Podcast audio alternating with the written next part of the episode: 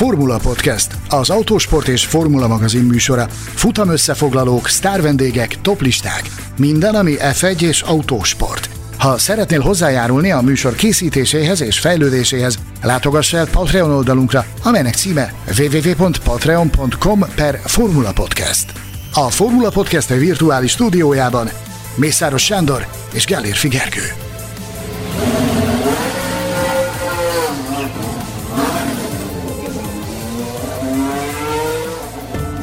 A Golden Palace Göt Premium Apartmanház a főváros közvetlen közelében, varázslatos környezetben, luxus színvonalú apartmanjait és kiemelkedően széleskörű szolgáltatásait kínálja azok számára, akik tartalmas és biztonságos nyugdíjas éveket szeretnének megélni.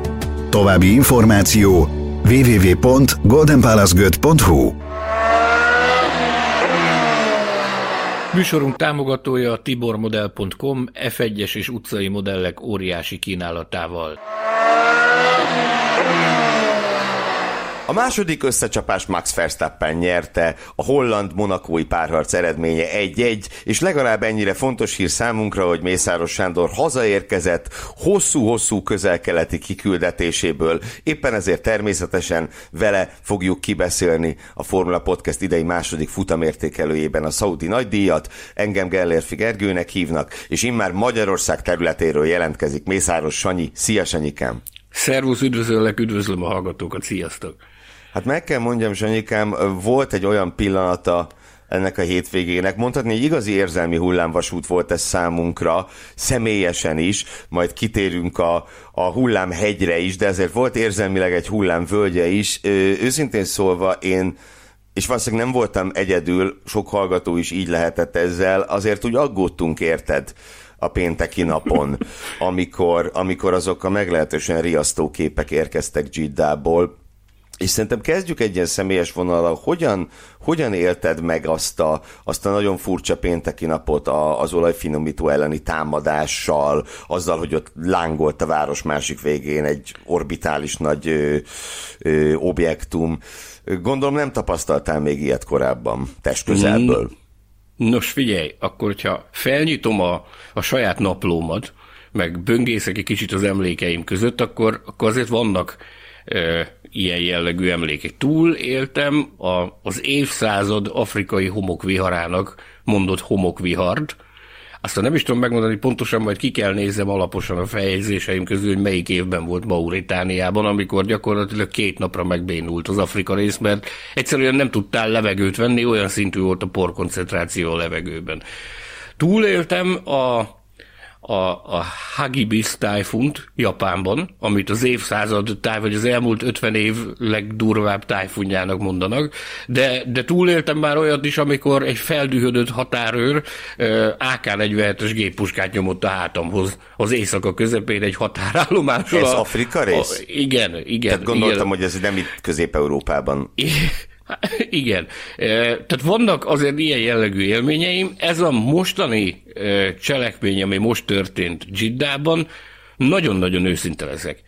Mi a helyszínen abból, hogy mi történik, az ég egy adta világon semmit nem tapasztaltunk. Néztük a, az FP1-et, figyeltük az eseményeket, hogy mi történik a pályán, majd egyszer csak érkezett egy üzenet az egyik kollégától WhatsAppon, hogy te ezt figyeld.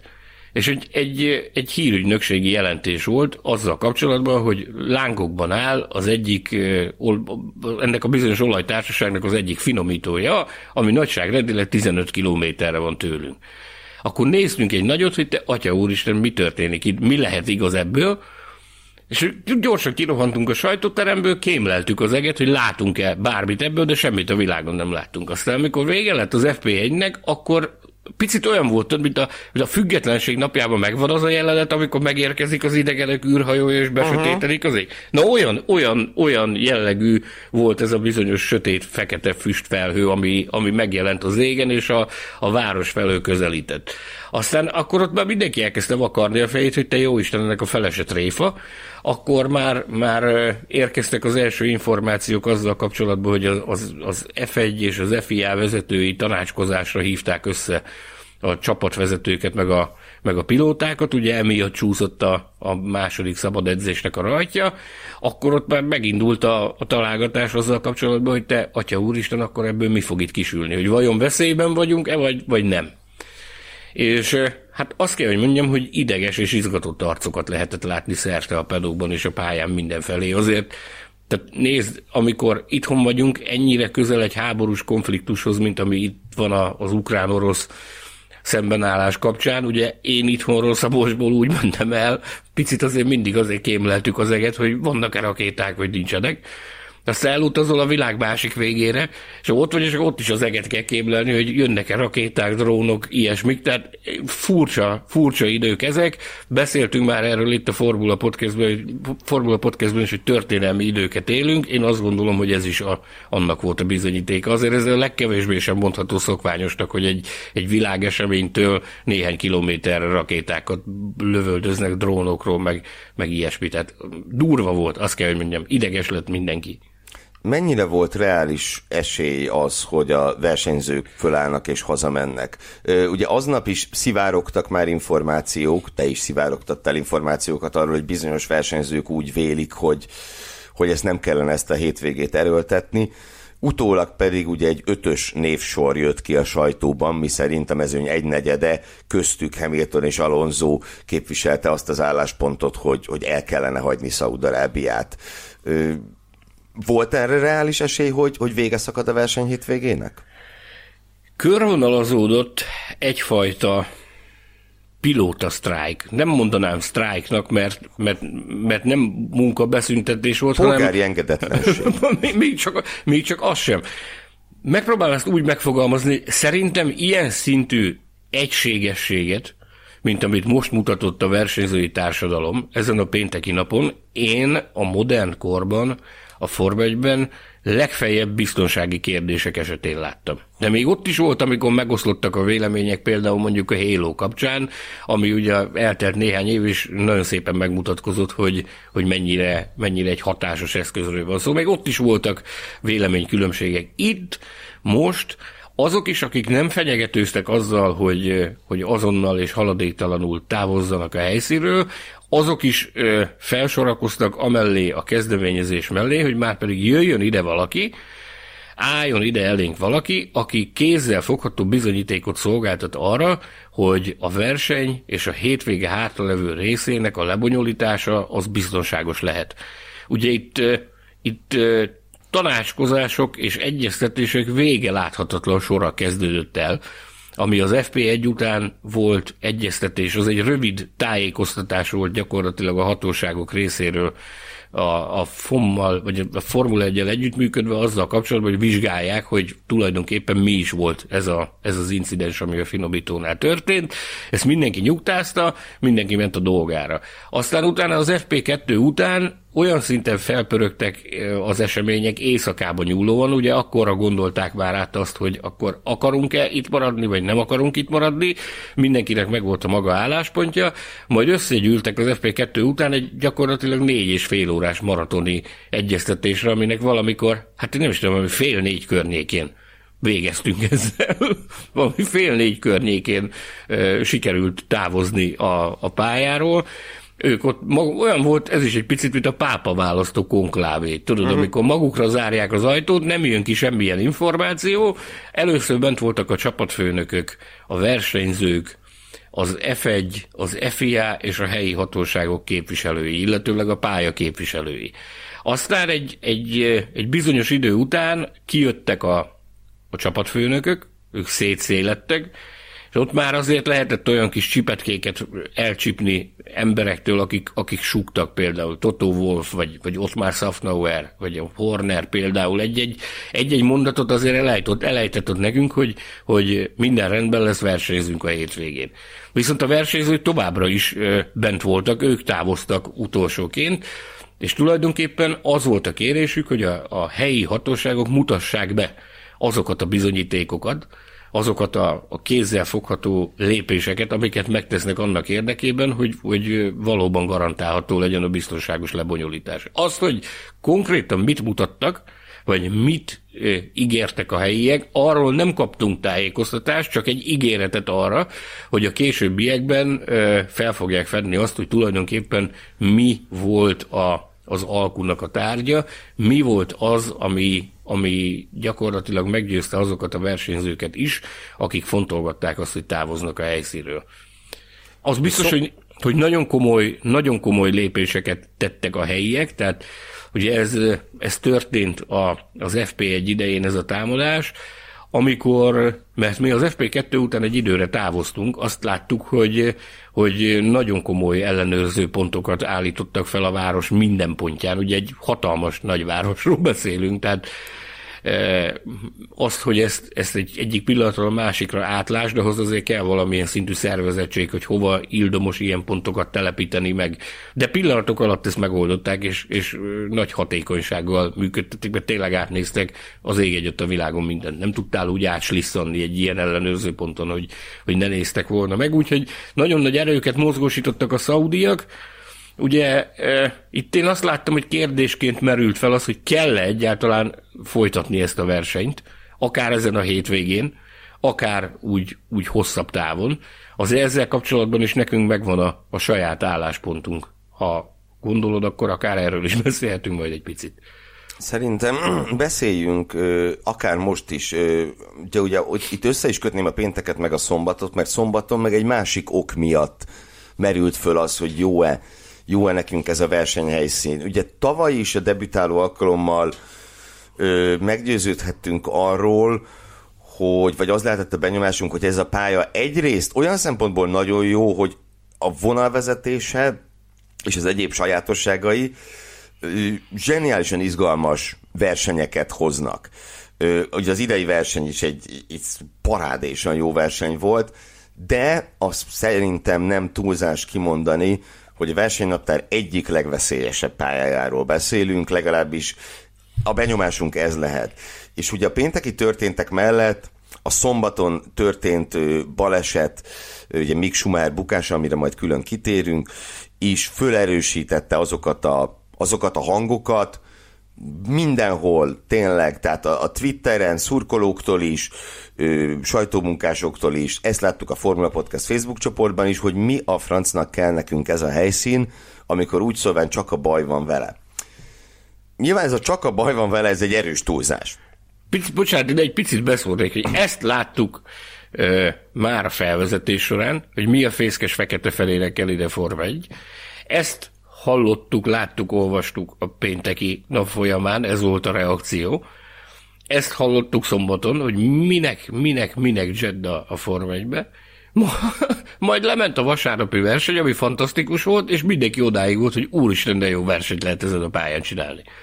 Tehát ott, ott rögtön változott a, a, a vélemény. Legalábbis amennyit én láttam. Bevallom őszintén, hogy, hogy egyéb teendők miatt olyan borzalmasan sok kommentet meg visszajelzés nem volt alkalmam olvasni, viszont amit láttam, az az volt, hogy atya úristen, de jó versenyt lehetett Ez csinálni. szerintem nem kérdéses, hogy ezen a pályán szenzációs versenyeket lehet rendezni, mert eddig tényleg kettőből kettő, de ugye itt az a másik helyzet, hogy most Szaudarábia nyilván ne, ne menjünk bele, meg nem is a mi dolgunk belemenni, de hogy ha azt mondjuk, hogy nem a liberális demokrácia fellegvára, akkor ebben azért kiegyezhetünk. De ugye ehhez azt rögtön hozzátenném, hogy, hogy a, nem ez az első olyan ország, ahova a Formula 1 elmegy, és legalábbis nyugati szemmel megkérdőjelezhető az államberendezkedés működése. Tehát azért van, vannak más ilyen helyszínek is. Ö, és hát nyilván azért van itt egy nagyon fontos szempont a szaudi futamrendezés mellett. Igen, ez pedig a pénz. De most itt visszautalnék rögtön arra, amit mondtál, hogy nem nevezhető liberális demokráciának. A, a világ sajtó prominensebb orgánumai azért próbálták masszírozni ezt a történetet. Azok a, azok a sajtóorgánumok, amik nem ö, versenyzés specifikusak, hanem így a világ dolgaival is foglalkoznak, hogy, hogy nem ez zavarja ez adott esetben a sportág vezetőit vagy a versenyzőit, hogy ilyen országba kell jönni versenyezni, vagy jönnek versenyezni, hogy ehhez adják a nevüket. Viszont újfent markánsan megfogalmazódott az a, az a gondolat, meg, meg az a, az iránymutatás, irányelv, a, az érintettek részéről, hogy viszont azzal, hogy eljönnek, azzal elősegítik azt is, hogy ez az ország ez változzon. Az itteni gondolkodás változzon. Én mindig azt szoktam mondani, e, tavaly is ezzel érveltem, hogy ha, ha belegondolunk abba, hogy mi lett volna akkor, ha Bernie Eccleston nem köti az ebet a karóhoz, és nem próbál meg minden áron a vasfüggöny mögött a kommunista világban Form 1 nagy díjat rendezni.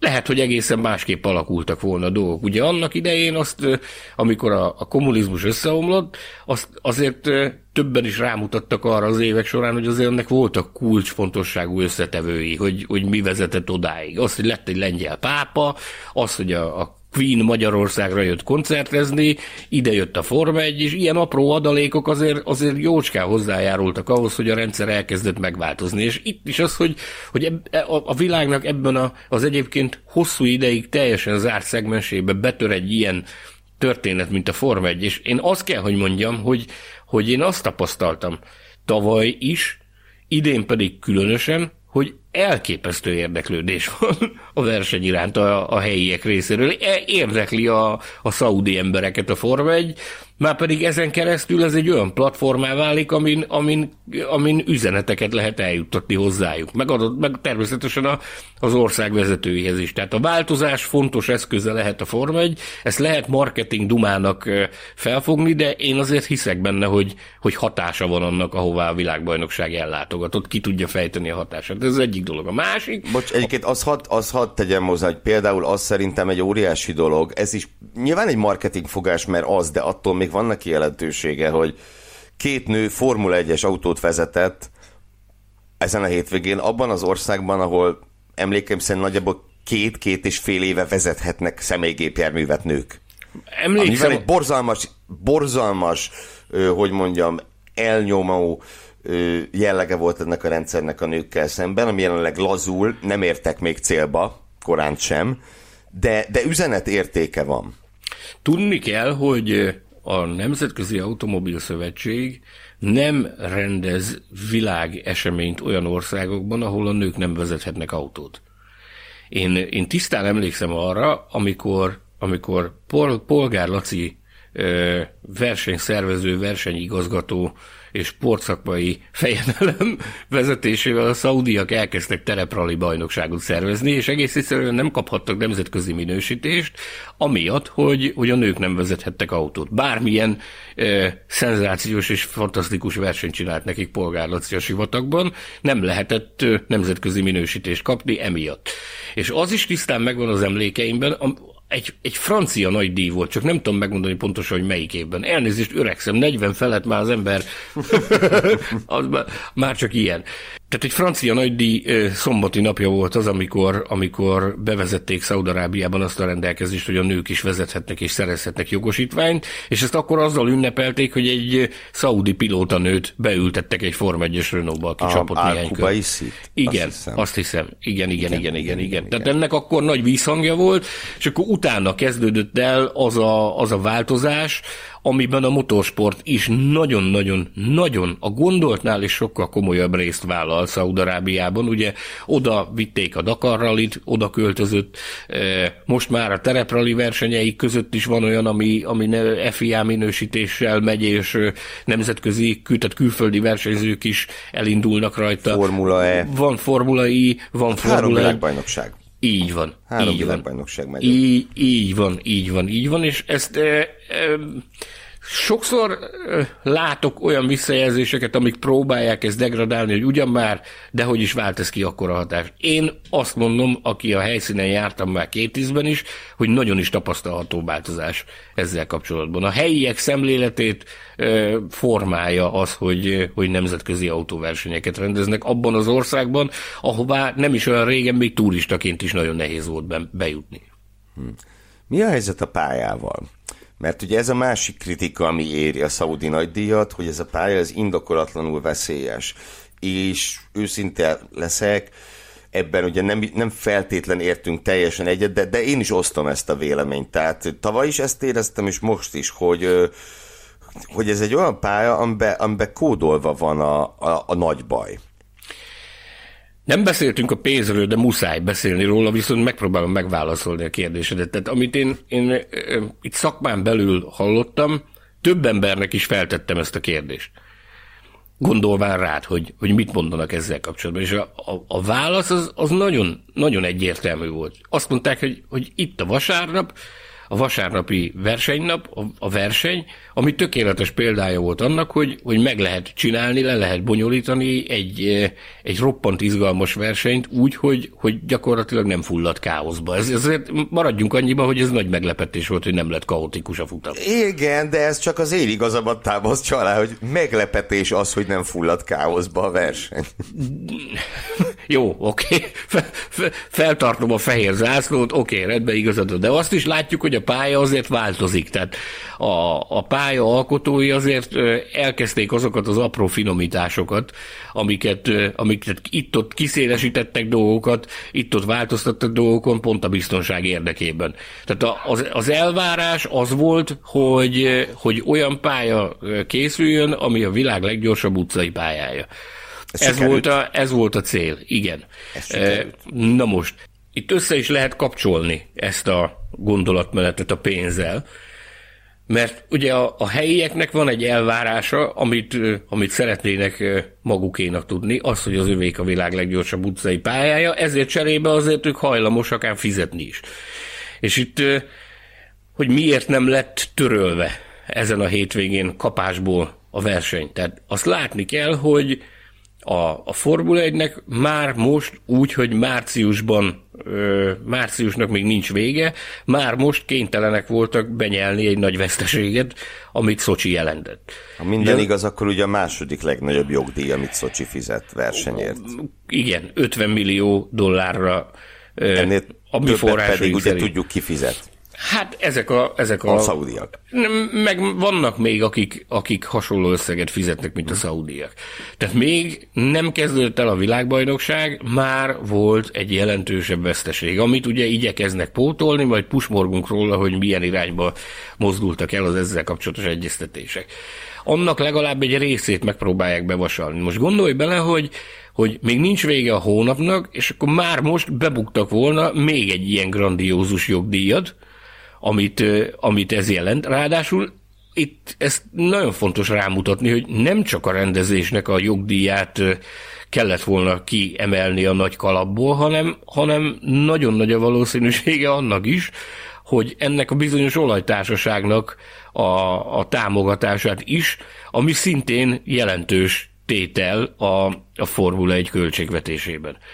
Tehát ez egy, egy úgynevezett globális kiemelt partnerről beszélünk, akik, akik körülbelül ugyanannyi pénzt fizetnek per év, mint, amennyi, mint, amennyibe a, mint amennyit a nagy díjért fizetek. Tehát ez egy nagyságrendileg egy ilyen egy ilyen 100-110 millió dollárról beszélgetünk. Az, ha az 50-re azt mondtuk, hogy azért már az ember megvakarja a fületövét, hogy te atya úristen. Tehát még ezen a szinten is, akkor 100-110 millióért meg pláne megvakarja a fületövét. Tehát ezért tettek meg az égvilágon mindent a sportvezetői, meg a helyi vezetők is, hogy a verseny meg legyen tartva, hogy ez, a, ez az egy, azért rossz fényt vetett volna, maradjunk annyiban a partnerre, hogyha, hogyha emiatt a, a dolog miatt törli. Tehát azért érdemes mindig egy kicsit a másik fejével is gondolkodni, nem csak mindig egy irányból nézni a, a, a dolgokat. Ez volt a, a verseny nem törlésének az egyik lába, a verseny nem törlésének a másik lába pedig a helyszínen hallottak alapján ott azért, azért én egyeztettem olyanokkal, akik, akiknek van fogalmuk mondjuk így a biztonságpolitikáról. Azt mondják, hogy egy ilyen eset után a legrosszabb, amit tehetsz, az az, hogy megindulsz a repülőtér felé. Ugyanis egy ilyen orbitális, óriási nagyvárosban a repülőtér az mindig kiemelt célpont. Akárhol vagy a, akárhol vagy a hm. világban. Tehát az, hogyha ha egy ilyen, egy ilyen ö, incidens után megindulsz a repülőtér irányába, és itt ö, megpróbálsz elmenekülni az országból, senki nem tudja garantálni azt, hogy valaki nem fog azonnal oda is csapást mérni. Olyan, mint ha kigyullad egy nagy épület, és beszállsz a liftbe. Igen, igen. Azt szokták, azt mondják nekem az ebben a témában járatos ismerőseim, hogy ilyenkor a legjobb az, ha maradsz a helyeden, és ott meghúzod magad, ahogy tudod, és csak óvatosan kezd el mozgolódni az ember. Ezért nem fogtam menekülni. Én, én őszintén mondom, én egyetlen egy brigádról tudom azt, hogy fogták a pipájukat, kalapjukat és távoztak. Ez Ralf Schumacher és két kollégája volt, akik hátrahagytak egy embert, hogy az ott egy e, gyakorlatilag egy besegítő helyi operatőrrel csinálja végig a hétvégét. Előre tolt helyőrséget hagytak igen, ott. Igen. Na de ha már Schumacher név elhangzott, akkor beszéljünk kicsit a, a kis Schumacherről, Mick Schumacherről. Mert ugye szombaton is volt miért aggódnunk, legalábbis pár percig nagyon tévéképernyőket nagyon aggódtunk. Ugye a Q2-be szenvedett el Mick Schumacher egy meglehetősen nagy balesetet, amelyet követően hát hosszú percekig semmilyen képet nem kaptunk róla, meg az autójáról, és ugye ezt pontosan tudja mindenki, hogy ez mit jelent. Milyen esetben nem mutatnak képet a, a, a szerencsétlenül járt versenyzőről. Abban az esetben, hogyha baj van. Utólag egyébként kicsit föl is voltam háborodva, mert ugye kijöttek olyan felvételek utóbb, ahogy ö, például Bottas, meg az egyik Ferrari ugye elmegy a roncs mellett, és, és dobják a lájkot, ami ugye feltartott hüvelykú jelzi, hogy ezek szerint Schumacher rendben van. Na most, ha láttunk volna legalább egy ilyen bevágást, akár csak Bottas belső kameráját, vagy, vagy azt a ferrari akkor, akkor nem kellett volna annyira aggódni, hogy mi van, mi van még Schumacherre, mert így azok a percek nagyon hosszúak voltak. És, ö, nekem először tehát egyrészt eszembe jutott Günther Steiner, hogy már megint szerencsétlen, ugye Grozan bukása után megint versenyzőért kell aggódni, de megint, még ketté, inkább, megint ketté szakadt egy autója. Megint ketté szakadt egy ház, meg még inkább Corinna Schumacher, hogy, hogy neki milyenek lehettek ezek a percek, el se akarom képzelni.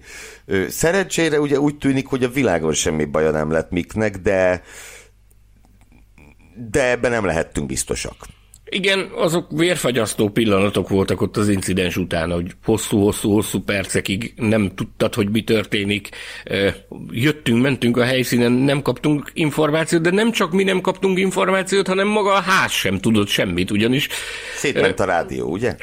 A, a, a nap végén beszélgettünk Steinerrel, és azt mondta, hogy abban a pillanatban, hogy a becsapódás megtörtént, abban a pillanatban minden kapcsolat megszakadt legkevésbé sem meglepő módon. Minden kapcsolat megszakadt, úgyhogy nem tudták azt, hogy mi van. Azt mondta, hogy ők a helyszínről kaptak, amikor, amikor megérkezett a mentőcsapat, onnan kaptak egyetlen egy rövid üzenetet, hogy, hogy rendben van, tudatánál van, és mozog. Ennyiből, ennyiből tudtak sáfárkodni, de ők is hosszú-hosszú percekig vártak erre, hogy, hogy mi történik.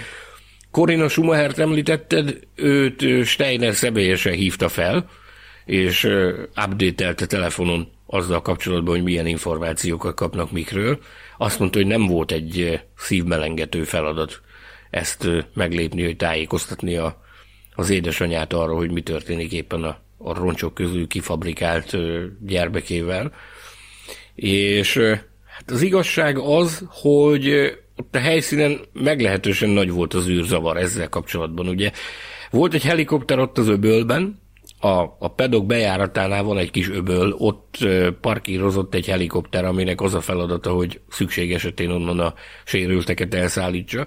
Plusz ugye e, a, a, a terror merénylet miatt Egyébként is rengeteg helikopter cirkált az égen, tehát őrizve a, a légteret, meg szemmel tartva a mozgásokat felülről, Plusz ugye a televíziós stábnak is volt egy helikoptere, úgyhogy nem tudhattad, hogy akkor most melyik pillanatban száll fel az a helikopter, amelyikre, amelyikre mi várunk, aztán egyszer csak fölszállt az a bizonyos helikopter, az volt a probléma, hogy nem láttál rá közvetlenül, mert ez egy olyan helyszín, ahol a, ahol a sajtó a, a pedoktól egy olyan hát egy ilyen 4-500 méterre egy kis szigeten van elszállásolva, tehát még csak nem is az, hogy kisétálok és rápillantok, hogy mi a helyzet, hanem, hanem itt azért elég sokat kell rohangálni ahhoz, hogy láss valamit, az pedig ilyen helyzetben nem tudod megengedni magadnak azt a luxust, hogy csak a helikopter mellett ácsorogsz és ott, ott bámészkodsz, úgyhogy minden kétséget kizáróan vérfagyasztó pillanatok voltak, mindenki megnyugodott, amikor megérkezett az első információ azzal kapcsolatban, hogy Mick Schumer gyakorlatilag rendben van, nincsen különösebb probléma, egy kis nyakrándulás, egy kis nyavaja, és hogy a kórházi átvizsgálás után távozhat majd. És ugye az az információ is megérkezett, hogy nem versenyez vasárnap. Ezzel kapcsolatban próbáltuk a hátteret kipuhatolni Steinertől, hogy mi az oka ennek. Egyrészt azt mondta, hogy a kisebb szerepet az az játsza, hogy, hogy mik egy ilyen incidensen van túl. Azt mondta, hogy neki semmi kétsége nincs afelő, hogyha azt mondaná neki, hogy itt az autó lehet menni, az első között pattanna a versenyautóba vasárnap, hogy felsorakozzon a rajtrásra. Viszont azt mondta, hogy itt gyakorlatilag több szempontot kell ö, mérlegelni a csapatnak. Például azt, hogy év elején vagyunk, azért ilyenkor az új autóknak az alkatrész ö, utánpótlása, az alkatrész bázisa azért még annyira bőségesnek nem mondható. Uh-huh. Kalkulálni kellett azzal, hogy innen a motyó az azonnal indul Melbournebe.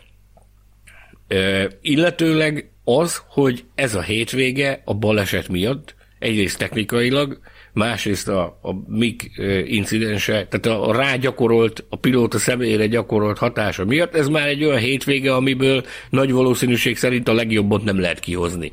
Ez itt azt mondta, hogy stratégiai szempontból az tűnt a legészszerűbb és legelfogadhatóbb döntésnek, de akkor nem állítják ki vasárnap, Mick Schumachert, hanem, hanem inkább rendbe rakják, kipofozzák az autóját úgy, hogy az, az rendbe legyen, adnak neki elegendő időt, hogy, hogy helyre jöjjön, hogyha ne adj Isten valamilyen rejtett sérülés, vagy rándulás, vagy akármi van, hogy az ne e, sérüljön rá adott esetben, vagy ne legyen olyan terhelésnek kitéve, ami akadályozhatja annak a sérülésnek a rehabilitációját, és azt mondta, hogy így gyakorlatilag új tiszta lappal lehet indítani majd Melbourneben a hétvégét Mick Schumachernek is. Ez szerintem egy felelős, felelős döntés volt és hát én itt a, a hétvége pillanata állandó díjunkra én ezen a ponton jelölném is azt a pillanatot, amikor, amikor a közvetítésben váratlanul megmutatták, hogy Mick Schumacher mosolyog és kedélyesen beszélget valahol a pedok mélyén a kórházba szállítás előtt valószínűleg. Tényleg egy nagyon-nagyon-nagyon örömteli, örömteli mozzanat volt ez.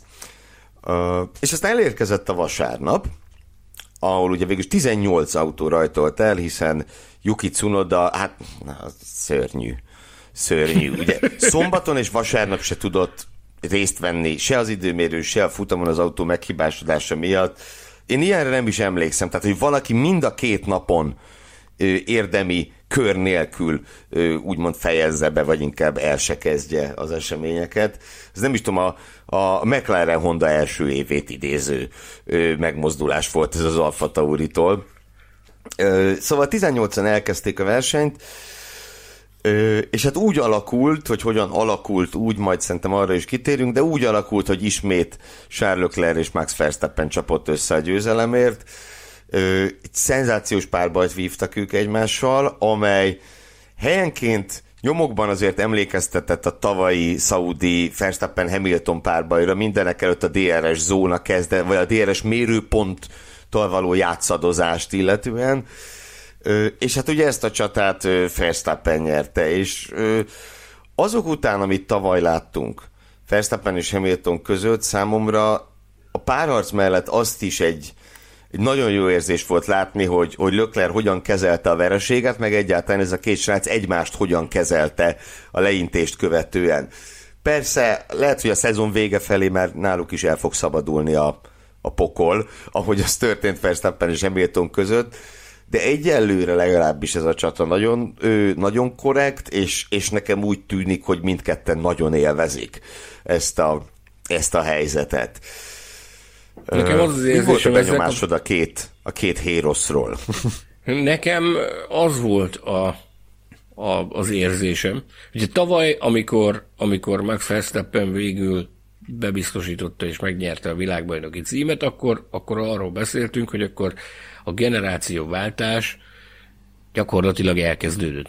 Én szerintem, én szerintem most Két versenyen vagyunk túl, a Mercedes egyenlőre lábon van lőve és szenved az autójával, tehát Hamilton és Russell még nem tud érdemben bekapcsolódni ebbe a küzdelembe. Ez a két fiatal harcol egymásért, és hát én azt gondolom, hogy, hogy ki lehet jelenteni, hogy lezajlott a generációváltás. Szenzációs nézni azt, ahogy, ahogy ezek a fiatalok gyepálják egymást oda-vissza olyan helyzetekben, amilyenekben egymástól milliméterekre.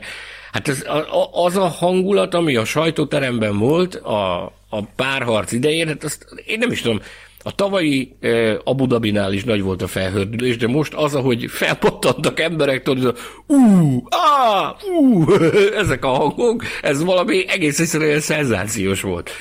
Csodálatos harcot vívtak egymással, és az benne az érdekes, ugye, hogy ezek a fiatalok, ezek gyakorlatilag a gokartos koruktól kezdve gyűrik egymást. Azóta, azóta csatáznak, meg vívnak egymással, és ezek az autók a verseny után, különösen a, az Okon Alonso csata kapcsán, meg az élen zajló csata kapcsán is itt azért többen is rámutattak arra, hogy Okon rá is mutatott arra, hogy ezekkel az új autókkal versenyezni, ez gyakorlatilag olyan, mint egy gokart versenyen vennél részt, hogy oda-vissza gyepálod egymást. Mások a MotoGP-vel vontak párhuzamot például, hogy picit olyan, mint a MotoGP, hogy a, az utolsó előtti pillanatig gyakorlatilag nem tudhatod, hogy ki fog nyerni, annyira, annyira kiélezett csatákat lehet oda-vissza előzésekkel, tarkított csatákat lehet vívni ezekkel az autókkal. Én azt gondolom, hogy fantasztikus látni, azt, hogy a fiatal generáció az oroszlánként küzd egymással, és szemlátomást rettenetesen élvezik jókat, tehát nincs semmiféle puskaporos hangulatról nem lehet egyelőre beszámolni, az érződik, hogy a győzelmiéség az, az mind a két fiatalnak azért hát ott van a szeren. Tehát rettenetesen szeretnének nyerni. Az elején vagyunk, még egy borzalmasan hosszú szezonnak nincs is értelme még puskaporossá tenni a küzdelmet, kiváltképp egy ilyen időszakban, amikor azért azt szerintem kijelenthetjük, hogy ezeknek az új autóknak a technikai sajátosságait, a vezetés technikai sajátosságait még mindig abban a fázisban vagyunk, amikor csak, csak ismerkednek vele, meg próbálják belőni. Tehát még messze nem, messze nem ott tart ez a, ez a mutatvány, ahol kellene. Lépésről lépésre, hétvégéről hétvégére látszik az első utána. Most ezen a hétvégén is látszott, hogy egyre inkább megbarátkoznak ezeknek az autóknak a sajátosságaival. Mondják is, hogy egyre inkább sikerül a saját vezetés technikájukat, a vezetési stílusokat hozzáigazítani ezekhez az autókhoz. A mérnökök is egyre több teljesítményt tudnak kifacsarni ezekből az autókból, úgyhogy még nagyon messze vagyunk attól, hogy a valós arcát lássuk a Forma 1 de maradjunk annyiban, hogy amit eddig láttunk, az több mint ígéretes. Hmm. Na, hát azt hiszem, hogy lassan, de még nem, csak lassan elérkeztünk az adás első felének a végéhez, de mielőtt rátérnénk arra, hogy itt különböző, különböző díjakat osztogassunk, Beszéljük az érzelmi hullámhegyről. Ugye a Formula Podcast Facebook csoport tagjai pontosan tudhatják, hogy miről beszélek. Ez a verseny hétvége mindenek előtt számodra, de általad számunkra is egy nagyon különleges hétvége volt, hiszen, hiszen a hétvége, nem is tudom, jubilálója, külön díjat, azt ezen a hétvégén csak te kaphatod. Aki esetleg nem tudná, mert nem látta a Facebook csoportban, Mészáros Sanyi századik alkalommal tudósított a helyszínről Formula 1-es nagydíjat ezen a hétvégén. Hashtag MS100, ugye ez, ez futott a közösségi médiában, legalábbis a felületeinken. Milyen volt? Azt, azt tudom, azt tudom, hogy, hogy azért a helyszínen erről jó néhányan megemlékeztek, és jó néhányan emlékeztettek rá, hogy százados lettél, azt hiszem ez a legkorrektebb megfogalmazás. Fú, mm. ne, nagyon nehéz megszólalni, meg nagyon nehéz erről beszélni. Elképesztő hosszú volt az ide vezető út, borzalmasan sok nehézséggel, meg borzalmasan sok nyűggel nyavajával, de, de az a nap, az egész hétvége csodálatos volt, mert többen szívták ezzel a vérem már e, a csütörtöki nulladik napon is, de pénteken és szombaton is, de a vasárnap voltám a, az igazi. Tehát azért az ilyennek híre megy. Tehát nem, nem olyan óriási nagy közösség. Ez azt szoktuk mondani, hogy, hogy e, ez is egy kis falu ahol ha valami történik valamelyik szegletébe a falunak, akkor arról azért hallanak. És hát a kollégák rá is gyúrtak erre, meg, meg, meg rá is szerveztek erre vasárnap. Tehát kezdjük ott, hogy vasárnap az érkezéskor Joe Clear-rel együtt sétáltunk be a pedokba, aki már azzal kezdte, hogy úgy hallom, hogy ez a századik. Mondom neki, hogy igen, azt mondta, hogy ha ha, ha nyerünk, akkor, akkor nagyon szeretném, hogyha jönnél, és akkor kocintanánk egyet. Mondtam, hogy én nem szoktam olyat csinálni, de természetesen, ha úgy van, akkor megyek. Tehát ez már meglepett, hogy Atya Úristen, még, még, még itt is, itt is tudnak erről. Aztán, hát a nap folyamán köszöntöttek például a, az FIA sajtóirodának a munkatársai. Megkerestek és gratuláltak a, a, a százhoz. Aztán, hát a nap folyamán az mit, kaptunk egy meghívást a, a Premium Hospitality-be néhány kollégával, eh, akik ott voltak, már, már ott is eh, hát meghúzgálták a fülemet, hogy azért ez, ez egy olyan dolog, ami, amit el lehet érni, de nagyon-nagyon hosszú út vezet odáig, meg ez az első olyan igazi mérföldkő, amire az ember azt mondja, hogy tényleg érdemes megállni, meg elgondolkodni egy picit. Ez, ez, ez már az a, az a kategória, amikor tényleg része vagy valamennyire ennek a, ennek a, ennek a körforgásnak. És akkor az igazi, az igazi durvulat az a, a, a rajtrácson következett be. Az egy, az egy hagyomány a, akik századossá lépnek elő, hogy a, a versenynapon valamikor a legközelebbi kollégákkal együtt összeállnak egy csoportkép erejéig, hogy az meg legyen örökítve az a pillanat, hogy az a páciens századossá lépett elő. Ez nekem a rajtrácson történt meg, amikor a, a, a legközelebbi jó barátok. Ugye Szaudban nem mindenki jött el. Sajnos voltak olyanok, akik nem voltak a helyszínen, pedig nagyon-nagyon jó barátságot ápolok velük, de a, akik ott voltak, és tényleg a, a, az én ottani legbelső baráti körömet alkotják a sajtóteremből, ők, ők lefoglaltak gyakorlatilag egy rajt sort, és még a, a, rajtfelállás megkezdése előtt, és akkor ott készült el ez a bizonyos csoportkép, ahol amit, amikor meglátta Mário Izola a Pirellitől, hogy ott mi történik, ugye ő is, ő is mondta már a délelőtt folyamán, hogy gratulál a százhoz, kérdezte, hogy ez a csoportkép, mondták neki, hogy igen, és hogy ott is beállt ő is, tehát rajta van ő is a, a százas csoportképeben, ami a rajtrácson készült. Na de a rajtnak a, az első pillanatait, én megmondom őszintén, hogy én, én csak homályosan láttam, ugyanis könnyes volt a szemem. E, a pontos részleteket még nem tudom, hogy ez hogy készült, mint készült, merre készült, kik voltak ebbe. Nyakig néhány elkövetőt tudok megemlíteni ezzel kapcsolatban. Szeretném kiemelni drága barátom, szeretett fogadott öcsém, Fekete Balázs munkásságát, aki tudomásom szerint ő volt az ötletgazda, Elkészült ez a bizonyos grafika, ami a Formula Podcast Facebook csoportban is látható, és meg van örökítve rajta a százas mérföldkő. Ezt, ezt Balázs valahogyan fölvette a kapcsolatot szeretett holland kollégámmal, jó barátommal, Áron Deckerszel, aki nem tartozott, nem tartózkodott a helyszínen, de Áron és Balázs, az Áron a Balázs kérésére megoldotta azt, hogy ez eljusson Szaudba, ez a bizonyos dokumentum, úgyhogy az én tudtam nélkül, tehát én semmit sem tudtam erről.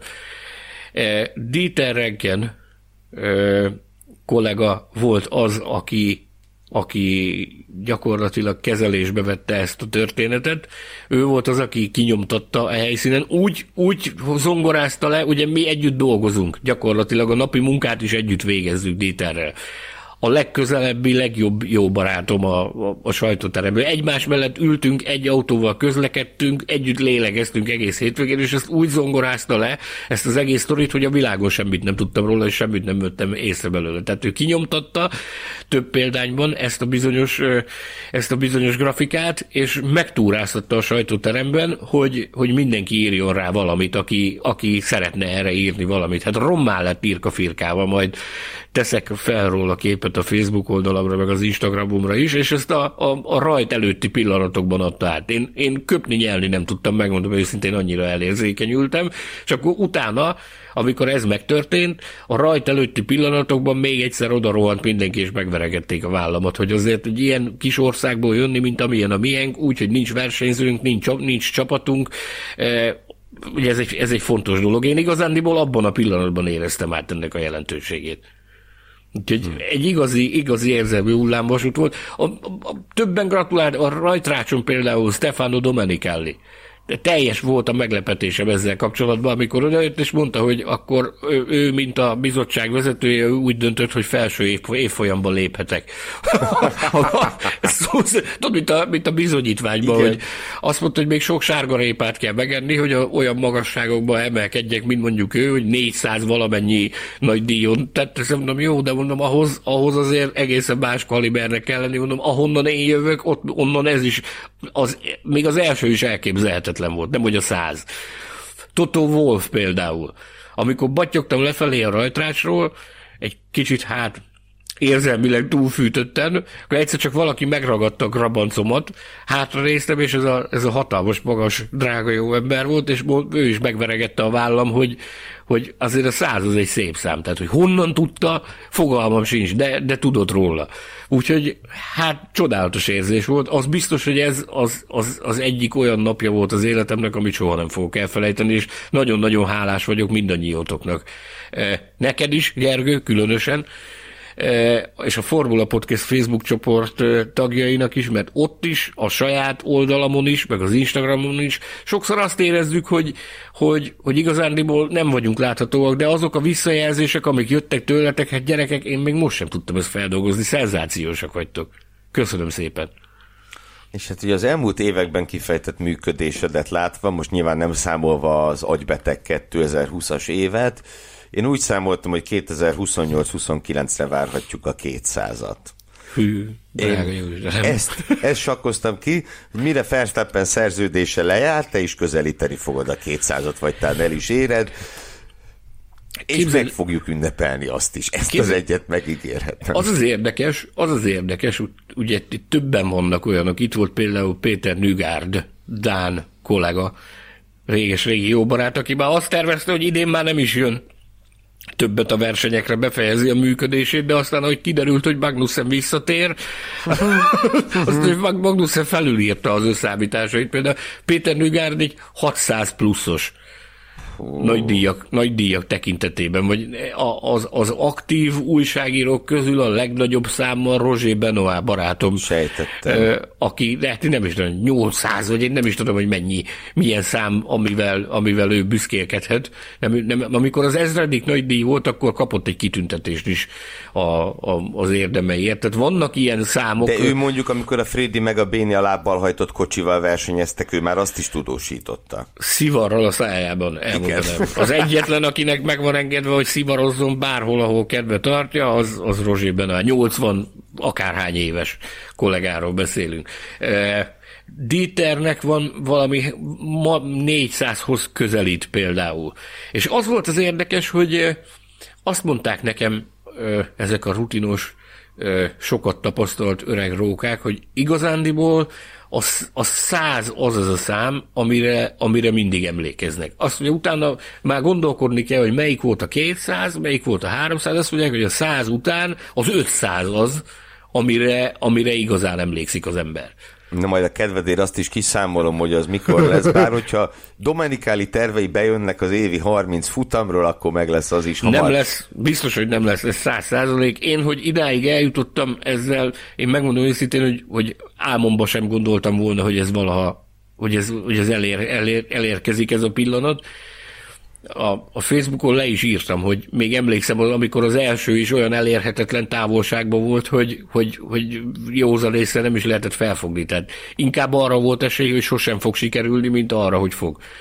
E, aztán, hogy meglett a száz, én nem tudom, én ezzel elégedett vagyok, nagyon hálás vagyok a jó Istennek, hogy elsegített idáig, meg mindenkinek, aki ezen az úton segített engem, azoknak is, akiknek, akik nem segítettek, e, és ami ezen felül jön, az egyet tudok tenni, hogy megköszönöm a sorsnak, hogy, hogy része lehetek ennek a sztorinak. Hát mindannyiunk nevében szívből gratulálunk neked. Köszönöm És akkor szépen. térjünk vissza a verseny hétvége pályán zajló eseményeihez, bár ugye, mint megtudtuk, a köszöntésed is a pályán zajlott a szó szoros értelmében. Hozom majd róla a képeket, csak ugye ez a, ez a eléggé nagy kálvária volt hazajutni Egy, egy teljes nap, ugye? Ó, szörny, szörnyűséges volt. Ez is megér majd egy fejezetet. Tehát én, én kimerem jelenteni, hogy ennyire viszontagságos hazautam, még soha a büdös életben sehonnan nem volt, mint amilyen ez volt. Figyelj, majd ez a, a szilveszteri adásban elmeséljük, hogy majdnem őrizetbe vettek téged egy közel-keleti országban. Ez szó szerint ez, ez így történt. Tehát azok után, amit felsoroltam, hogy milyen katasztrófa jellegű élményeim voltak, emellé oda lehet rakni azt is, hogy egy közel-keleti ország repülőterén a, a határrendészeti parancsnokságnak a vezetőjének az irodájába találtam magam 15 perccel azután, hogy abba az országba életemben először betettem a lábam. Ilyen még nem volt. Ez az antré. no, kezdjük meg a díjaink átadását. Mindenek előtt azt, azt a díjat, amelyet a Formula Podcast Facebook csoport tagjai, ami szeretett hallgatóink szavaztak meg a hétvége legjobbjának. Egyébként elárulom, hogy negyedik lettél a szavazáson. Micsoda? Komolyan? Komolyan. Á, szenzációsak vagytok. Nagyon szépen köszönöm. Nagyon szépen köszönöm. Az első helyet viszont egy olyan versenyző kapta, számomra kisé meglepő módon, nyilván érteni vélem, hogy miért, aki se polpozíciót, se futamgyőzelmet nem szerzett a hétvégén, ellenben mind a két napon a második pozíció lett az övé, ez pedig Charles Leclerc, ugye az a Leclerc, aki Ö, akit az utolsó, mondhatni, az utolsó visszatámadás lehetőségétől megfosztott a, az, ö, a mezőny végén történt Albon Stroll ütközés. Ö, minden esetre ti a hétvége legragjának Charles Leclerc találtuk. Mi pedig elég nagy bajban voltunk, ö, mert három kiemelkedő teljesítmény is Mm, három kiemelkedő teljesítményt is láttunk ezen a hétvégén, természetesen Lökleré volt az egyik, és a hétvége embere díjat végül a, az én nyomásomra, és még, még, még Gobodis Tomi is jóvá hagyta, Hú, pedig az ez nagy szó. szó. Ez nagy szó.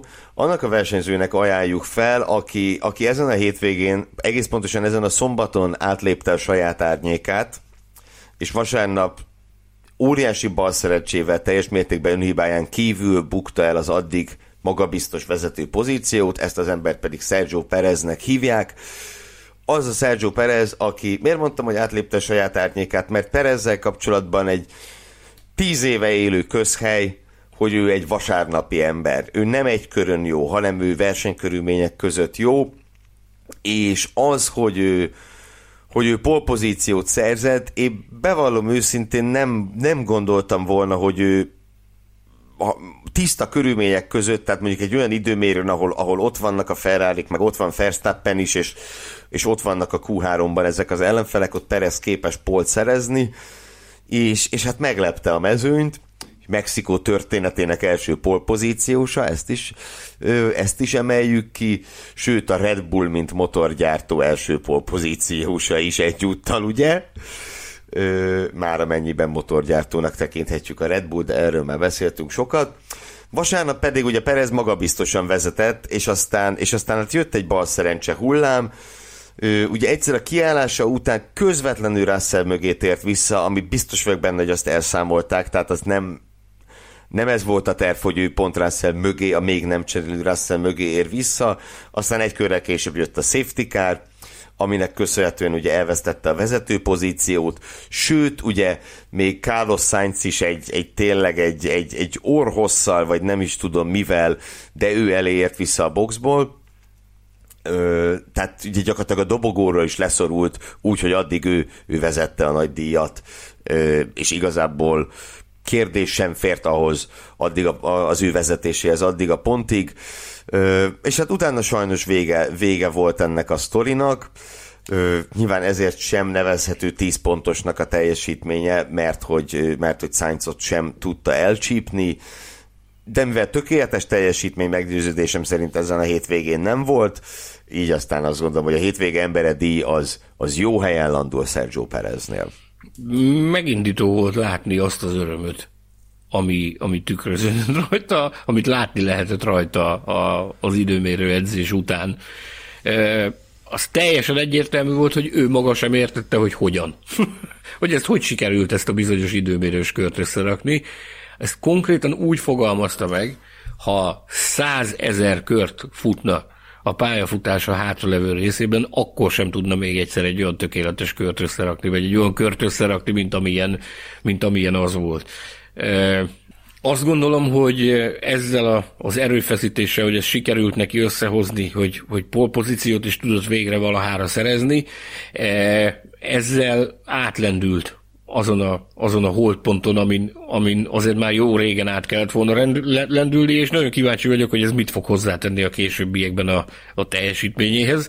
Én minden esetre én annak nagyon örülök, hogy, hogy ő kapja nálunk a, a hétvége emberi díjat, mert becsülettel megdolgozott érte. Még akkor is, hogyha a versenye azért kevésbé sikerült szépen, pedig ott is benne volt azért a pakliban, hogy, hogy adott esetben sikerülhet nyernie. Hát benne volt. Következik a hétvége meglepetése. Nem, nem a... szeretném idézni azt, hogy a körülöttem levő kollégák mit mondtak, abban a pillanatban, amikor, amikor, amikor az a bizonyos incidens megtörtént, és jött a safety car. Azért nagyon, fú, nagyon jó mély megszülettek arról, hogy a kedvencem az volt, hogy néz egymásra Perez és Hamilton, és akkor Perez mondja, Latifi tönkretette a versenyemet. De ez a, mondd még. Hát igen. Szegény Latifi, atya úristen. Na jaj. Na, hétvége meglepetése. Nem Latifi, hanem egy olyan versenyző, akinek inverse volt a hétvégéje Perezhez képest, a szombat az, az több, mint felejthető volt, a vasárnap viszont, viszont, hogy mondjam, vasárnap viszont a tavalyi önmagát idézte ez a pilóta, és az első teszten nem gondoltuk volna a barcelonai gyakorláson, hogy azt mondjuk majd, hogy a McLaren egy hetedik helyet szerez, az a hétvége meglepetése, de az azóta látottak alapján viszont mégis ezt kell mondanunk, hogy Lando Norris hetedik helye a hétvége meglepetésének nevezhető, mert hát, hát emlékszünk, hogy a McLaren mit művelt egy hete Bakreinben, porzalmas volt, nem, sőt, ezen keseregtünk éppen eleget, Ö, és ugye az időmérő se utalt igazából semmi arra, hogy itt bármi változni fog. Ö, Norris viszont ebben a kicsit, kicsit zavaros, safety virtuális safety futamon megtalálta a számításait, és, és ugye hát a hatodik helyért meccselt egy óriási Esteban Okonnal a ö, hát az utolsó kanyarig, sőt, az utolsó kanyar utánig, ami ugye a befutót követően is még egy kis, már mint a győztesek befutóját követően egy kis plusz izgalmat szolgáltatott, ö, és azt hiszem, hogy a McLaren csapatnak is, és a McLaren szurkolóinak is nagyon kellett az, hogy azt lássák, hogy, hogy van remény a teljes reménytelenség után, amit egy hete tapasztaltak. Nagyon fontos fejlemény az, hogy ezt az eredményt tudta produkálni Norris. Én a verseny után pusmorogtam egy picit András Seidl csapatfőnökkel. Azt láttam Norrison, itt a, az ilyen csoportos beszélgetés során a verseny után, meg ez volt a benyomásom Bakreinben is, hogy ez a ez a váratlanul kilátástalanná vált helyzet, ez, ez megacélozta őt. Tehát látod rajta a koncentrációt, látod rajta az igyekezetet, látod rajta azt, hogy, hogy rajta biztosan nem múlik az, hogy, hogy valahogy kimozdítsák újra a mclaren a gödörből. És akkor kérdeztem a Seidült arról, hogy, hogy akkor ez most mi volt?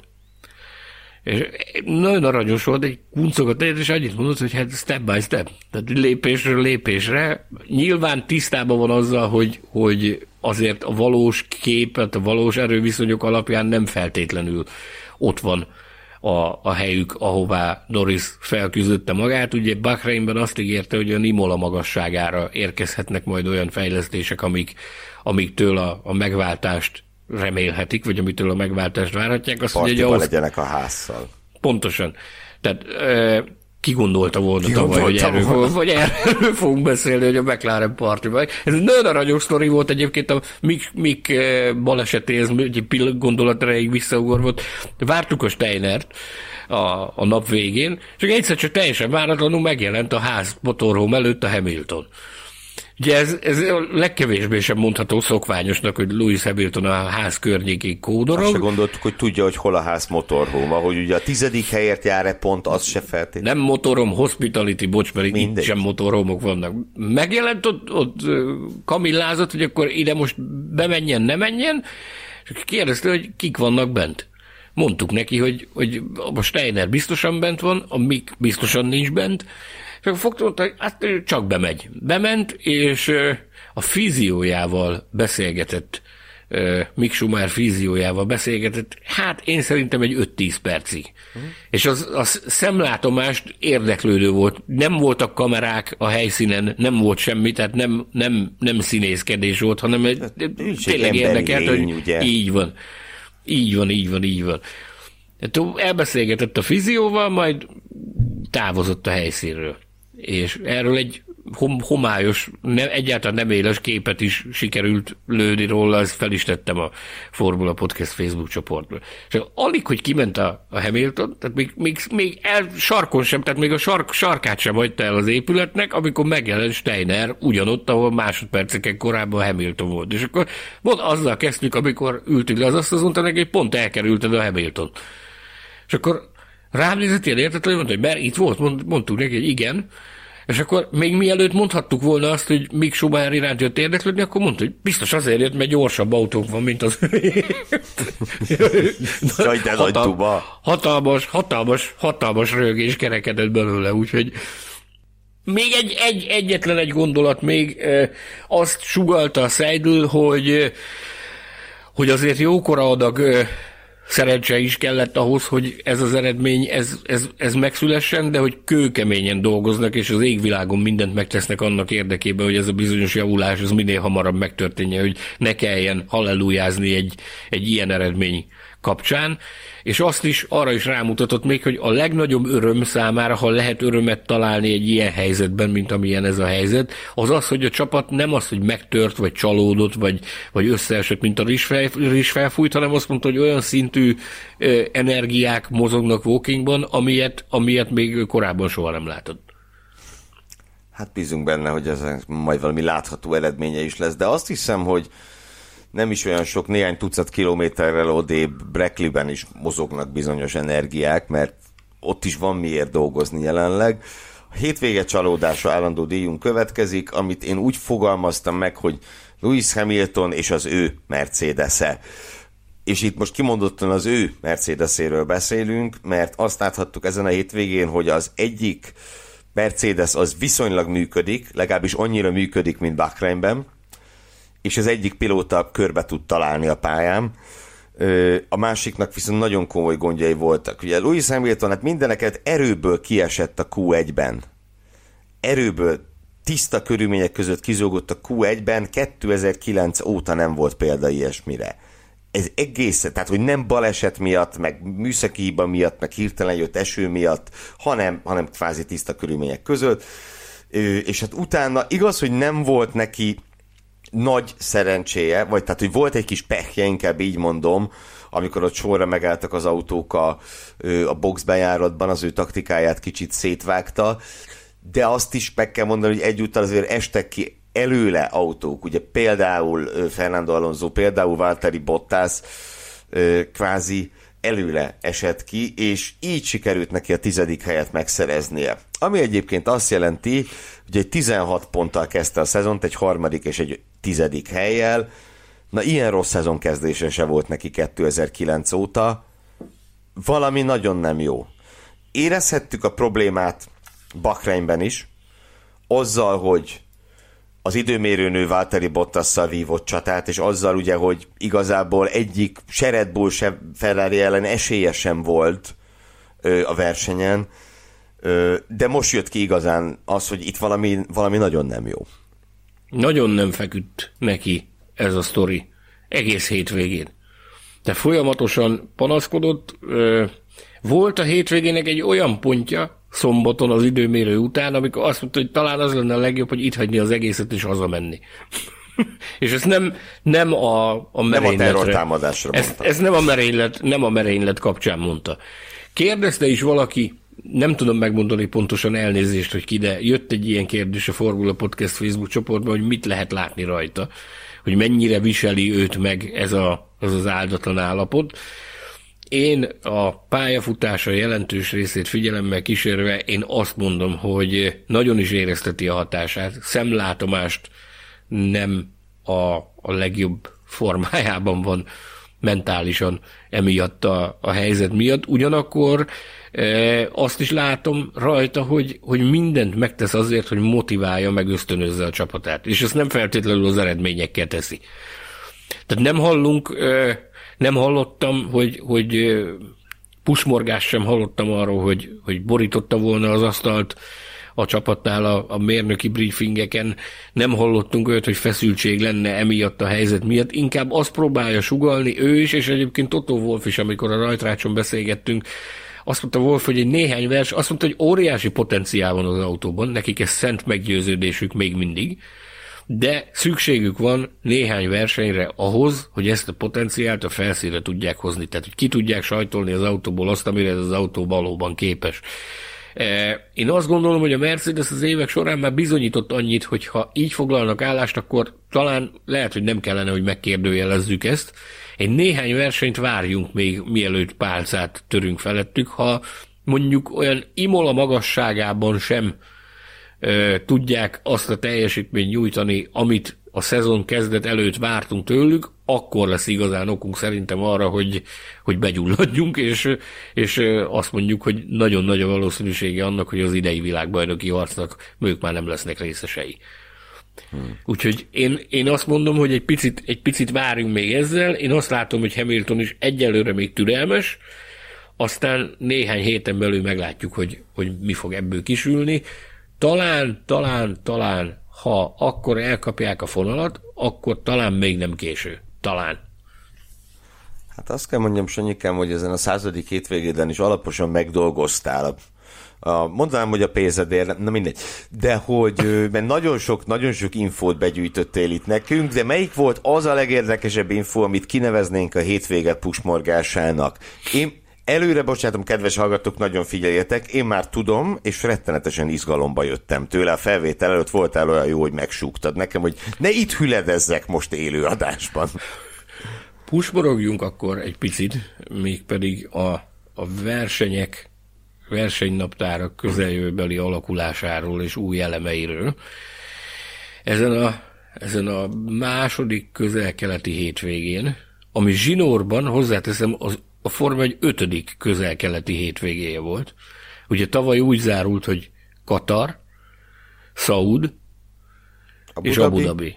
Most pedig úgy indult, hogy Bahrein, Saud. Ez öt verseny zsinórban. És az ötödik éjszakai, vagy legalábbis esti befutó Igen. zsinórba. Bocsánat, Igen. ez marra, hogy ez most valami, a Facebook csoportba írta valaki, és nagyon-nagyon tetszett a gondolat, hogy valószínűleg Zsú lesz az első Forma 1-es pilóta, aki karrierje harmadik versenyén tapasztalja meg csak azt, hogy milyen nappal versenyezni a Forma 1-ben. Nagyon jó. Nagyon jó. Ő még ilyet hát, nem csinált. Igen. Ö, azt hittem, hogy valaki a közel-keleti ország villanyszámlája miatt aggodalmas, aggodalmaskodott. No, tehát úgy tűnik, hogy a, a, a, a Szocsi versenyt Katarral fogja pótolni a Forma 1. Bár itt felmerült az, hogy adott esetben az évnek az a, az a szakasza nem a legalkalmasabb arra, hogy Katarban versenyezzen a mezőny, de, de úgy tűnik, hogy meg lehet találni a közös nevezőt, és egy katari hétvége kerül majd be a a, a törölt orosz nagydíj helyére. Extra liter vizet kapnak a pilóták a víztartályba. Igen, ezzel kapcsolatban valamikor majd ö, érkezik a megerősítés. Annál hamarabb érkezik majd megerősítés arról, amiről a Formula Podcast Facebook csoportban is többször érdeklődtetek már nálunk, hogy mi lesz vegas -szal. Ugye tavaly Austin után beszélgettünk erről, hogy hallottuk hírét olyan jellegű egyeztetéseknek, hogy a Liberty Media szeretne egy harmadik futamot is beszúrni a, a Form 1-es vérkeringésbe és a Form 1-es menetrendbe.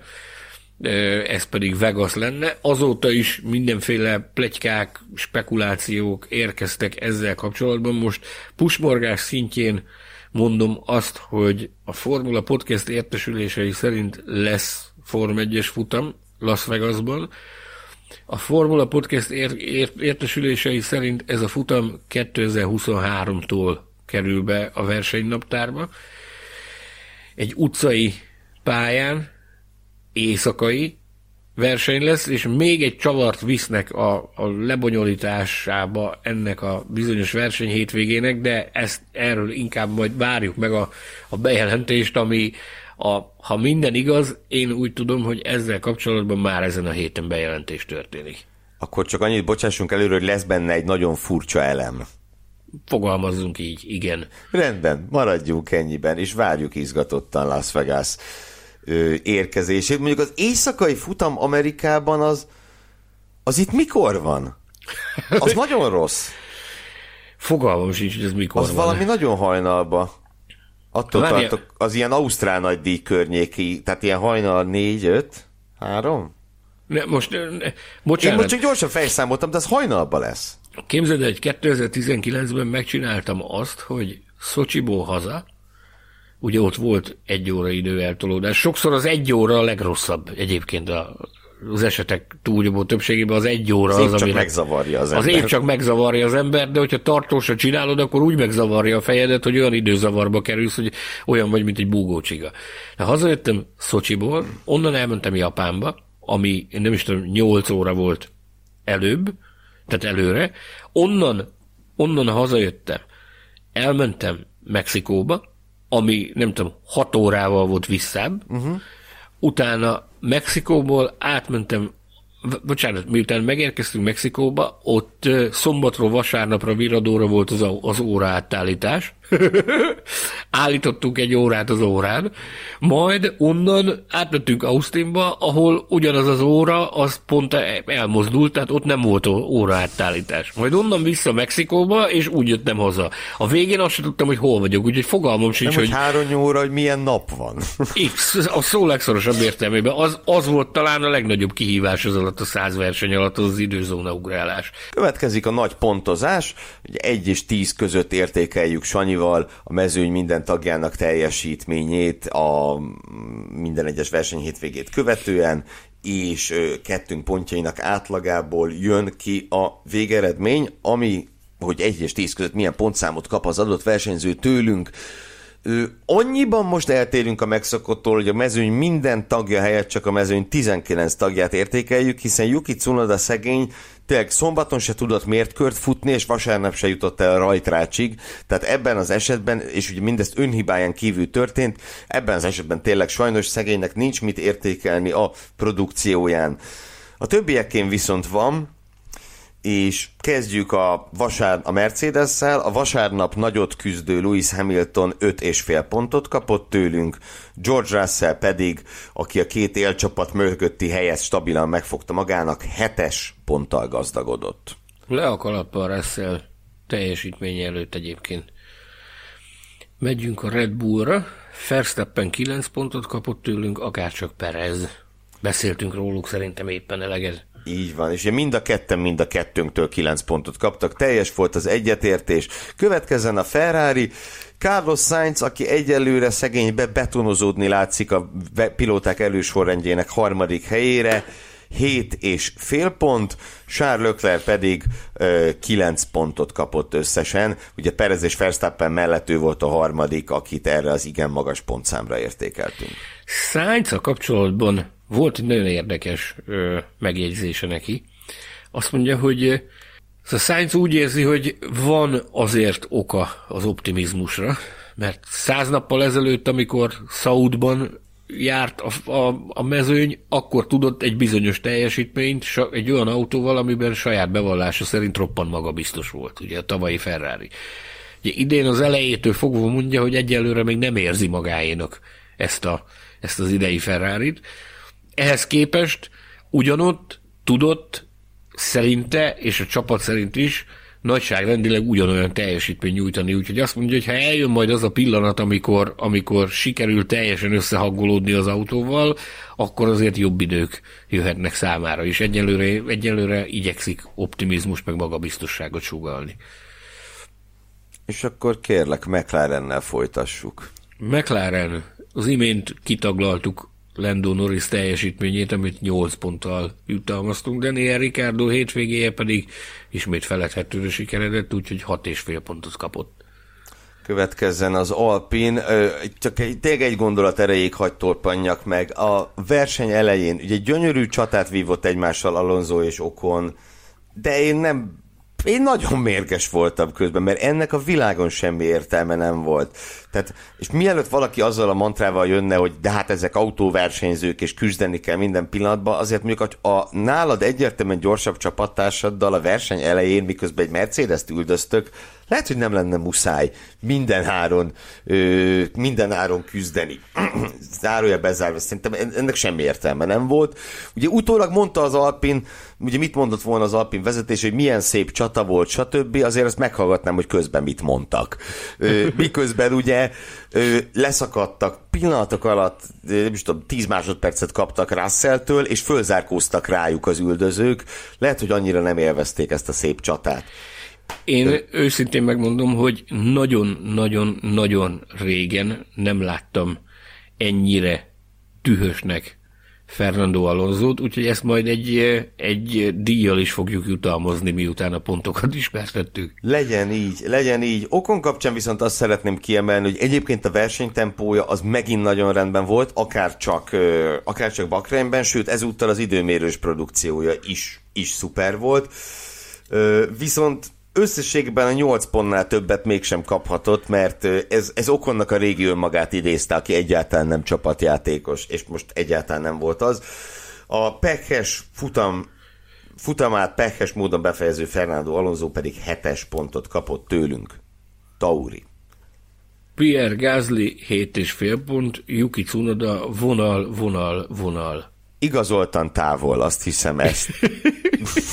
jelent, mégis te a legemlékezetesebb teljesítmény Cunodának, a legemlékezetesebb teljesítmény a hétvégén az az volt, amikor megérkezett vasárnap reggel a pedokba. Ugye úgy érkezett a hotelba, hogy onnan már tudta nagyon jó, hogy a nap végén a reptérre megy, hozta magával az utazótáskáját, ami gyakorlatilag, hogy húzta maga után, nagyobb volt a táska, mint maga az ember.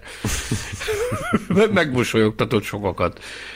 Ez. Hát igen, ugye Cunoda mellett, követ, vagy Cunoda után következzen egy másik figura, aki nagyon gyakran mémesül most, mostanában, ugye a Hálka vagy Hülkenbeck öt és fél pontot kapott az újabb beugró teljesítményét követően, Stroll pedig, akit a verseny végén még Albon is, is megtorpedózott, ő szintén öt és felet kapott. Átlagos, semmilyen hétvége volt ez, mind az Aston Martintól, mind a pilótáiktól. Ugyanez mondható el szerintem a Williamsről is. De az inkább Mi... rossz volt, átlagon igen. aluli. igen, igen. Latifi ugye, hát megint fontos szerepet játszott a, a versenyen. Három és fél pontot adtunk erre a Hát nagyon-nagyon halovány, én bevallom őszintén, sokkal többet vártam. Hát ez, a... ez töri zúzás, péntek, vagy szombat-vasárnapon tört, zúzott, pusztított. A a verseny után a nagy, a nagy kipakolás, ahogy zajlott, elképesztő tempóban pakoltak ismét a, a csapatok, hogy útnak tudják indítani minél hamarabb a cuccot Melbourne felé. Jósz Kapitóval értekeztem, hát bevallom őszintén nem volt túl jó hangulatában. És akkor egyszer csak, de ez már nagyon késő volt, akkor versenyzőknek se híre, se hamma nem volt már gyakorlatilag a pályán, amikor a, a garázs mélyéről egyszer csak előkerült Latifi. És vált, váltottunk egy pár mondatot, és azt láttam, hogy rettenetesen bosszantja, meg rettenetesen bántja az, hogy, hogy ennyire sehogy nem alakul neki ez a, az az idei év az első két futamon, hogy hát azért mind a két hétvége azért meglehetősen harmatos volt, ez meg különösen. Úgyhogy hát gyötri magát rettenetesen. Albon szegény, hát történt, ami történt, négy és fél pontot adtunk neki. Latifinek pedig három és feled, de azt talán elhangzott. Alfa Romeo, hát két petkes fiú, volt vasárnap, Bottas és Joe is nagyon-nagyon pekes volt. Végül mind a kettejüknek hat és felet adtunk. Ők maguk egész jó produkciót nyújtottak, ugye Joe a rajtot rontotta el, de azon kívül utána neki is volt egy ilyen pek szériája, Bottasnak ugye megpusztult az autója. Ö, hát a dupla pontszerzés után ez most egy keserűbb keserűbb hétvége lehet nekik. És, és ugye hozzájuk hasonlóan az, a háznak is, a Bahreininél keserűbb lett ez a hétvége.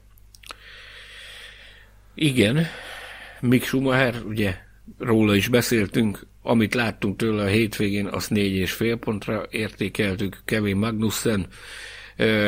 Hát annál talán egy picivel több volt benne vagy több lehetett volna benne, mint amit végül sikerült neki kihozni belőle. Így is én azt gondolom, hogy egy nagyon tisztességes és remek helytállást produkált, úgyhogy az ő teljesítményét 7,5 pontra értékeltük. Magnussen ugye a Q3-at rontotta el nagyon, és ezt ő maga be is vallotta, tehát ezt nem is próbálta palástolni. Ö, utána egy egészen, ugye Hamiltonhoz hasonló merész taktikával próbálkozott, ami ugye ugyanazokra a nehézségekkel szembesült, mint Hamilton, ott a, ott a, a sorra megálló versenyautók miatt, és hát ugye végül is aztán Hamilton előtt futott ő, ő célba egy pozícióval. Ezek voltak a pontjaink, ami viszont még hátra van, azok a külön díjak, és én rögtön egy duplázást szeretnék bejelenteni, ugyanis Esteban Okonnak Bahrein után én ismét szeretném a vaddisznó külön díjat felajánlani. Ezúttal ugye nem Mick Schumacher, hanem a saját csapattársát terrorizálta, tényleg olyan módon, amit, amit egykoron izé Sergio Perezzel. Lehet, hogy a rózsaszín autótól zavarodott meg Okon, mert ugye amikor Perezzel rózsaszínbe voltak, akkor ment egymás között ez a hát tényleg tűrhetetlen viselkedések zajlottak. Tudod, kit szurkáltunk meg ezzel? Safnauert. Ugye ő volt, ő volt a vezető, az egyik vezetője a csapatnak akkor, amikor, amikor rózsaszín bepompázó ö, Force Indiák gyötörték egymást, vagy mik voltak. Hívták az Force Indiának is, Racing Pointnak is, zűrzavaros idők voltak, sőt ugye volt a Racing Point Force India F1 team, tehát a rózsaszín Silverstone autók, azt hiszem ez így korrekt. Így van, úgyhogy Safnauernek déjà volt, és ezt el is ismerte. Na de, Sanyikám. Ha, ha te a vaddisznó díjat adományoztad Okonnak, akkor én a helyszínen látottak alapján a, az idegeskedő világbajnokság idei második fordulójában a külön díjat Fernando Alonzónak adom. Én, amióta visszatért, nem láttam ennyire szélsőségesen stresszesnek, mint amilyen, mint amilyen most volt a verseny után egyszerűen láttad rajta, hogy az ember majd felrobbant, tehát úgy álltunk meg tőle egy másfél méterre, hogy amilyen dühös, hogy nagy pofán vágjon valamikünket, hogyha valami olyat kérdezünk tőle, ami, ami neki nem tetszik, mert szemlátomást annyira feszült volt az ember, hogy az valami borzasztó.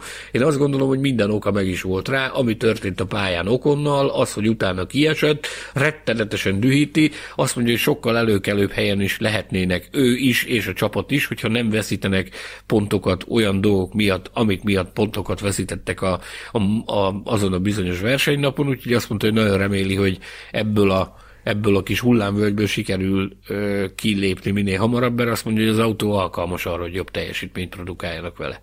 Hmm.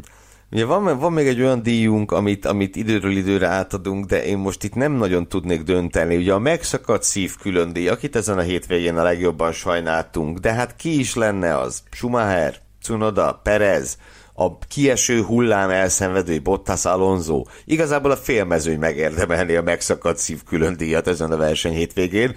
Viszont egy másik, egy másik díjjal készültem, Terminátor külön díjban no. szeretném részesíteni azt a Pierre Gaslyt, aki ugye úgy előzte végig a középmezőnyt, és szerzett nagyon értékes pontokat, hogy mint elmondta az utolsó kiállása után olyan pokoli bél fájdalmak gyötörték, hogy üvöltött a versenyautóban vezetés közben, és így jött föl emlékeim szerint négy pozíciót a verseny utolsó szakaszában, Ö, nem tudom, nekem voltak már ilyen pocak fájdalmaim, de hát én, érted, a, a, a személyautómat nem tudtam volna elvezetni ilyen állapotban. Nem, hogy előzgessek a Giddai pályán le a kalappal Gázli előtt. Ez, ez egy igazi hőstet volt. Ez a Heinz Harald Frenzen külön díj, nem? Emlékszel ja, arra, igen, amikor igen. Frenzen volt neki a 90, 98-as magyar nagy díjon volt az, amikor gyakorlatilag a klotyóról annyi időre tudott kijönni, amíg beült az autóba, meg lenyomta a versenyt, amit ha emlékeim nem csalnak, az ötödik helyen zárt. Igen, és azért volt is neki egy olyasmi nyilatkozata, hogy ha dobogóra állt volna, akkor ott nagyon érdekes jelenetek alakulhattak volna ki.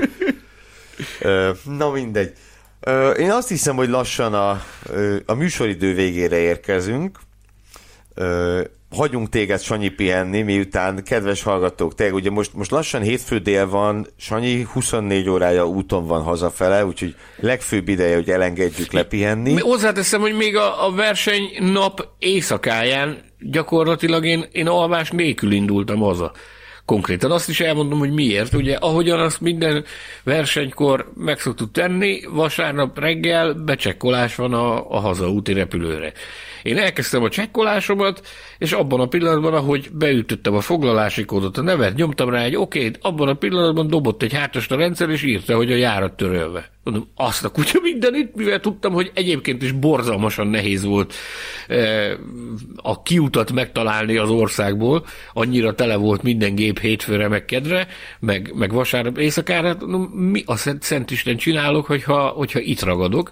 Megkértem a recepciósokat, hogy legyenek olyan kedvesek, hívják fel ezt a bizonyos légitársaságot, aminek, aminek nem akarom direkt elmondani a nevét, ők fölhívták, és azt mondták, hogy minden rendben van, járat összevonások történtek, de az a biztos, hogy ha, ha kimegyek a reptérre, és ott a, a, a counternél, a ground handlinggel egyeztettem, hogy akkor ez hogy is lesz, mint is lesz.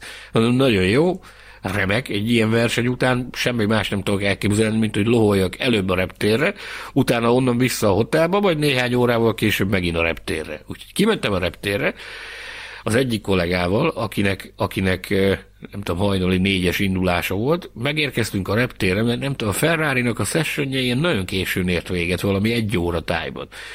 Kettőkor megérkeztünk a reptérre, ott nagy nehezen kivártam, hogy találjak egy olyan embert, akivel ezt meg tudom beszélni. Odaadtam neki az útlevelemet, ránézett a rendszer, azt, ezzel semmi gond nincs. Minden rendben van. Mondom, de drága uram, hát mondom, önök mondták, hogy jöjjek ide, mert hogy ja, azt mondja, most, hogy nézem, azt mondja, ez lehet, hogy két nappal későbbre lenne. Nem mondom, akkor nagyon, nagyon gyorsan nézze meg, mert nekem nincs kedvem még itt két napig itt dekolni.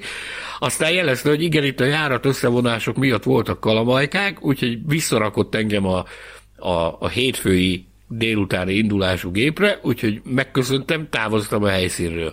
Nagy nehezen vissza küzdöttem magam a hotelhoz, ott összecsomagoltam, majd nekiálltam dolgozni, mert hát valamikor dolgozni is kell. Ez már ilyen, nem tudom, ilyen, ilyen 5 óra, fél hat környékén volt.